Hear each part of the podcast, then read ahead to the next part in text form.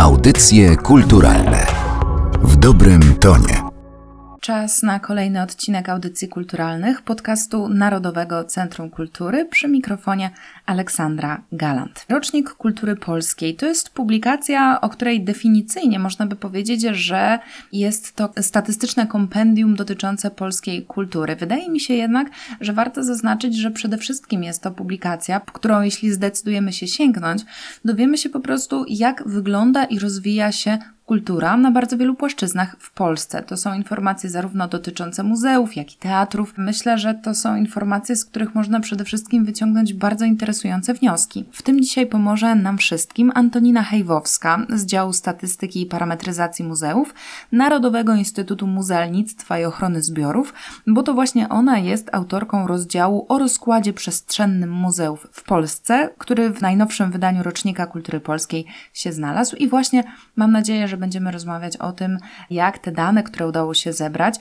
przekładają się na rzeczywistą sytuację muzealnictwa, muzealników, ale też miłośników kultury oglądanej w muzeum. Bardzo mi miło, że przyjęła Pani zaproszenie do audycji kulturalnych. Dziękuję również za zaproszenie. Myślę, że takim dobrym pytaniem na początek naszej rozmowy może być to o liczbę muzeów i też od razu o to, jak Pani sądzi, czy jak na taki kraj, o takiej powierzchni, a przede wszystkim takiej strukturze ludności, czy to jest dużo, czy mało? Zresztą te muzea cały czas się otwierają, tworzą się nowe. Tytułem wstępu zacznę od tego, że w naszej rozmowie będę się odnosić do muzeów w rozumieniu ustawy o muzeach z 1996 roku, czyli będę mówić o takich jednostkach, które uzgodniły swój statut lub regulamin z Ministerstwem Kultury i Dziedzictwa Narodowego, ale należy pamiętać, że są również podmioty prowadzące działalność muzealną, ponieważ nazwa muzeum nie jest zastrzeżona prawnie w Polsce. Wśród muzeów w rozumieniu ustawy są różne placówki, jest podział na instytucje kultury, czyli muzea prowadzone przez ministerstwa lub jednostki samorządu terytorialnego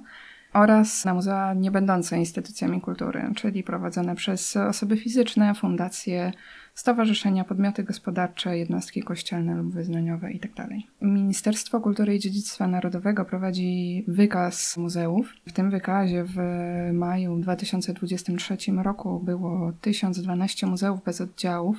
Łącznie z oddziałami to było 1307 i z tego 52% to są instytucje kultury. Dodatkowo chciałabym jeszcze wspomnieć, że oprócz tego wykazu, w którym znajdują się wszystkie muzea w Polsce w rozumieniu ustawy, jest również Państwowy Rejestr Muzeów, do którego wpis otrzymują instytucje prowadzące wysokiej klasy działalność merytoryczną oraz posiadające zbiory o istotnym znaczeniu dla dziedzictwa kultury. Tych muzeów jest 130. Jeśli chodzi o jakieś rozmieszczenie geograficzne muzeów w Polsce, to wydaje mi się, że tak jak zaznaczyłam już to w tekście do Rocznika Kultury Polskiej, nasycenie mapy muzealnej w Polsce odpowiada nasyceniu mieszkańców, tak naprawdę. Patrząc na dane za 2021 rok i na muzea właśnie z wykazu ministerialnego, najwięcej muzeów znajduje się na Mazowszu, czyli w województwie mazowieckim, gdzie odnotowujemy największą liczbę ludności.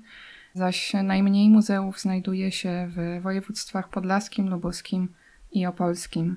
Czy można w takim razie powiedzieć, że liczba placówek muzealnych, muzeów jest proporcjonalna do liczby mieszkańców, czy gdzieś wyróżnia się takie białe plamy, gdzie dostęp do muzeów jest ewidentnie utrudniony? Ponieważ to nasycenie odpowiada mniej więcej tej gęstości zaludnienia w danych województwach, to tutaj ta liczba muzeów wydaje się być proporcjonalna. Natomiast chciałabym jeszcze zwrócić uwagę na to, o czym również pisałam w tekście, że trzy województwa skupiają ponad jedną trzecią wszystkich placówek muzealnych, czyli województwo mazowieckie, pomorskie, małopolskie.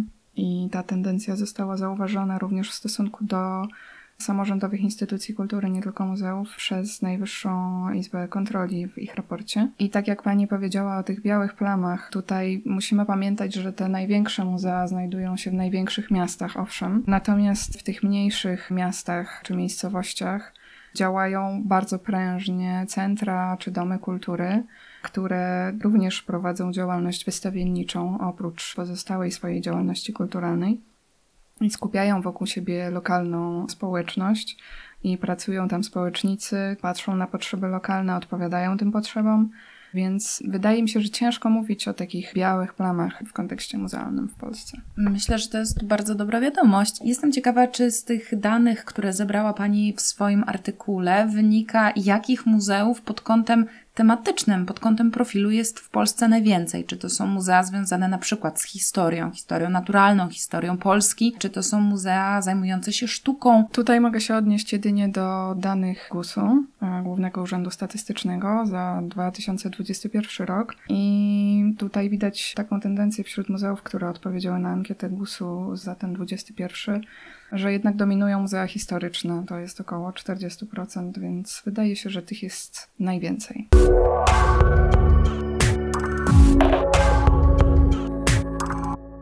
Jak wygląda kwestia frekwencji w muzeach? To jest chyba taki najbardziej intuicyjny miernik popularności czy sukcesu danej placówki. Muzea chyba pozbywają się już tego przekrego stereotypu związanego z kapciami i miejscami, w których nic nie można dotykać, w których jest się trochę intruzem. Tego już chyba nie ma i czy statystyki pokazują, czy na przykład w ciągu ostatnich kilku lat chętniej do muzeów zaglądamy? Mamy nadzieję, że odchodzimy od tego stereotypu związanego z kapciami, o którym Pani mówiła. Natomiast tutaj zdecydowanie chciałabym powiedzieć o tym, że frekwencja jest nieefektywnym miernikiem, nieefektywnym wskaźnikiem, pokazującym jedynie ilość, niekoniecznie odzwierciedlającym jakość proponowanych działań, proponowanych aktywności. I owszem, jest to wskaźnik łatwy do monitorowania, porównania rokrocznie, jednak należy pamiętać, że muzea w różny sposób liczą taką frekwencję. Jest to też zależne od na przykład rodzaju użytkowanego budynku czy posiadanych terenów dookoła parków, posiadanymi systemami informatycznymi, które umożliwiają liczenie frekwencji elektronicznie. Ciężko jest również porównać małe powierzchniowo muzea do wielkich, nowoczesnych budynków muzealnych. Ich przepustowość jest zdecydowanie różna, jest zupełnie inna. Dla takich dwóch instytucji sukces frekwencyjny to, to zupełnie inne liczby są one trudne do porównania między sobą. Dodatkowo wydaje mi się, że nie powinniśmy mówić o sukcesie frekwencyjnym muzeum, bo jednak frekwencja nie równa się sukces. Tutaj chciałabym też wspomnieć o tym, że w Narodowym Instytucie Muzealnictwa i Ochrony Zbiorów prowadzimy projekt pod nazwą Muzeometr, w którym stawiamy nacisk na to, żeby muzea oceniać przez pryzmat innych wskaźników odzwierciedlających szeroko zakrojoną działalność muzealną. I od lat podkreślamy, że należy odejść od frekwencji jako od tego reprezentatywnego wskaźnika. Mówiliśmy o tym na przykład na kongresie GUS w Krakowie w 2021 roku. I mogę się jeszcze odnieść do ustawy o muzeach ponownie, ponieważ według ustawy muzeum ma dwa filary działalności: zbiory i działania skierowane właśnie na konserwację, utrzymanie, opiekę nad zbiorami, działania naukowo-badawcze. I to jest część, która jest na pierwszy rzut oka niewidoczna dla odbiorcy, ale jest niesamowicie ważna. Jest równie ważna jak ta część, która jest nastawiona na zwiedzających, która jest z kolei widoczna na zewnątrz. Stąd można łatwo wpaść w pułapkę frekwencji jako właśnie dobrego wskaźnika. Natomiast oczywiście tutaj należy podkreślić, że oba filary działalności są równie istotne, równie ważne nie zapominajmy o tej niewidocznej na pierwszy rzut oka części dla odbiorcy. Rzeczywiście, kwestia związana z troską o dziedzictwo, zabezpieczanie tego, co muzea mają pod swoją opieką, jest bardzo ważnym elementem ich działalności. Faktycznie niedocenianym i, i rzadko widocznym. Widocznym na przykład przy okazji Nocy Muzeów, gdzie często placówki pokazują to, czym zajmują się za swoimi kulisami. Ale zastanawia mnie też to, co sprawia, że muzea wydają się atrakcyjne. Pani o tym pisała w swoim artykule w roczniku odcinku wymieniała na przykład te bezpłatne dni, bo chyba każde muzeum raz w tygodniu jest otwarte bezpłatnie dla zwiedzających. To są różne działania edukacyjne, które są podejmowane, a także muzea często już wychodzą poza swoje mury, organizują tak zwane wydarzenia towarzyszące na przykład wystawom. To są spacery, to są warsztaty, cały wachlarz różnych działań i czy to sprawia, że rzeczywiście one stają się bardziej popularne, bardziej rozpoznawalne? Muzeum ma dwa filary działalności i ta druga część nastawiona na zwiedzającego jest równie istotna jak ta pierwsza dotycząca zbiorów.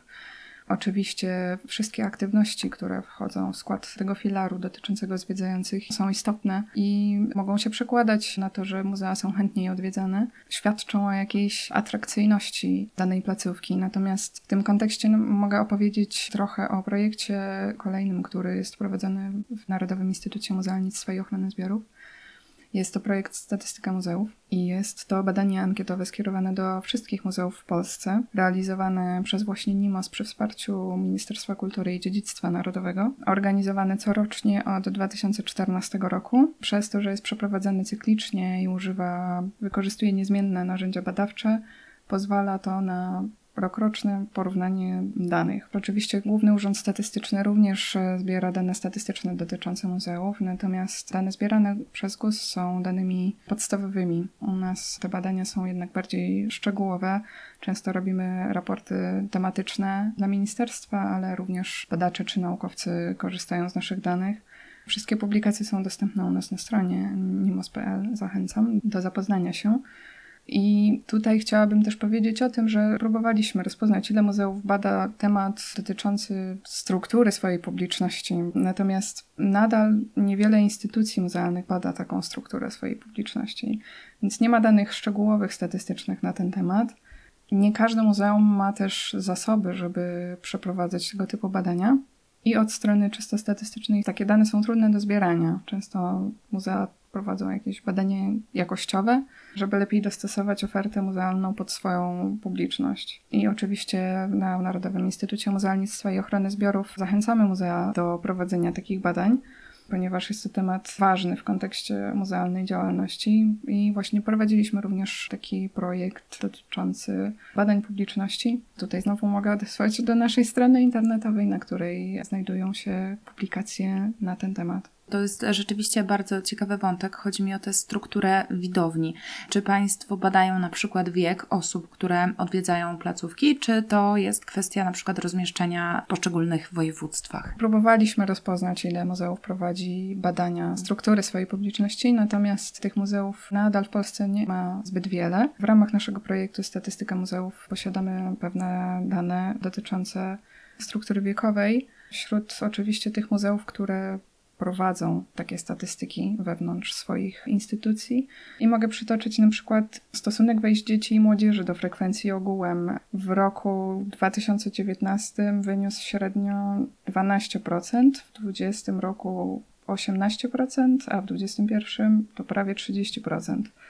Natomiast jeśli chodzi o stosunek wejść seniorów do frekwencji ogółem, to średnio w 2019 roku to było 20%, w 2020 roku to było prawie 9%, a w 2021 to było 12%. A więcej informacji na temat tego, jak funkcjonują muzea, kto je odwiedza i jak rozmieszczone są w kraju, możecie znaleźć w tekście o rozkładzie przestrzennym muzeów w Polsce. Ten artykuł został opublikowany w najnowszym roczniku kultury polskiej, a opowiadała o nim autorka Antonina Hejwowska z Narodowego Instytutu Muzealnictwa i Ochrony Zbiorów. Bardzo Pani dziękuję za rozmowę. Dziękuję również. Audycje kulturalne w dobrym tonie.